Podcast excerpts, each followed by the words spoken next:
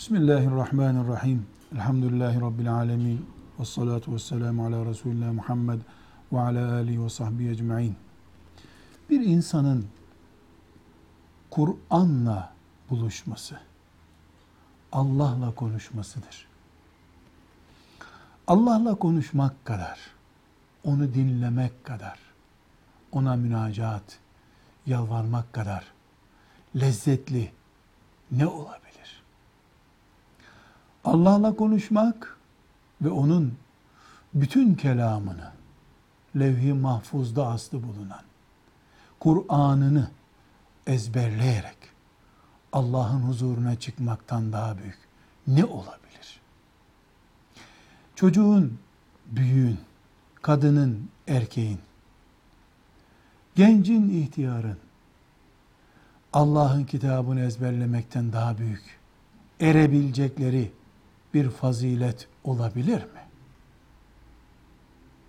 Şüphesiz Allah'ın kitabını okumak harika. Allah'ın kitabını ezberlemek de ve okumak harika ile bile ifade edilemeyecek kadar muhteşem bir şey. Ama Allah'ın kitabını ezberlemek Fatiha suresinden Nas suresine kadar ezber okumak. Olsa olsa mucize ile ifade edilebilir. Muhteşem bir şey. Ancak Müslümanlığın şartlarından biri değil. Çünkü Müslümanlığın şartı Kur'an'ı yaşamaktır. Allah ne diyor? Ona göre yaşamaktır. Kur'an'la amel etmek, Kur'an'ı ezberlemekten önemlidir. Kur'an'la amel etmek, üzerine bir de Kur'an ezberi bulunursa onu ifade edecek bir deyim bulmak zor. Ancak hem Kur'an'ı ezberlemiş ol, hem de Allah'ın kitabından fersah fersah uzak kal, bunun adı afettir. Bu bir çöküntüdür.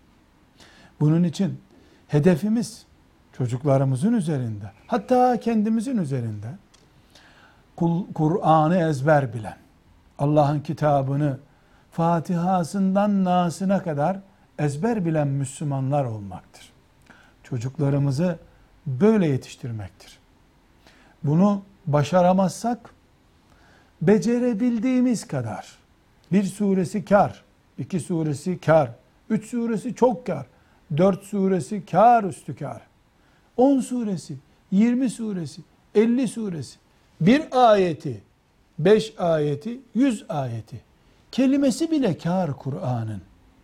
Hepsini hedefleyelim. 3 ayetini de nimet bilelim. Bir suresini de taç bilelim başımıza. Ama şunu unutmayalım. Kuru bir hafızlık değil. Çünkü Müslümanlığın şartı hafız olmak değildir. Müslümanlığın şartı Allah'ın kitabının önünde muhteşem bir saygıyla ayakta durmaktır. Allah'ın sözü önünde itirazsız yaşamaktır. Eğer bu hafızlıkla gerçekleşiyorsa ki hafızlıkla bu çok daha rahat kolay gerçekleşiyor olması lazım. O zaman hafızlık isteriz.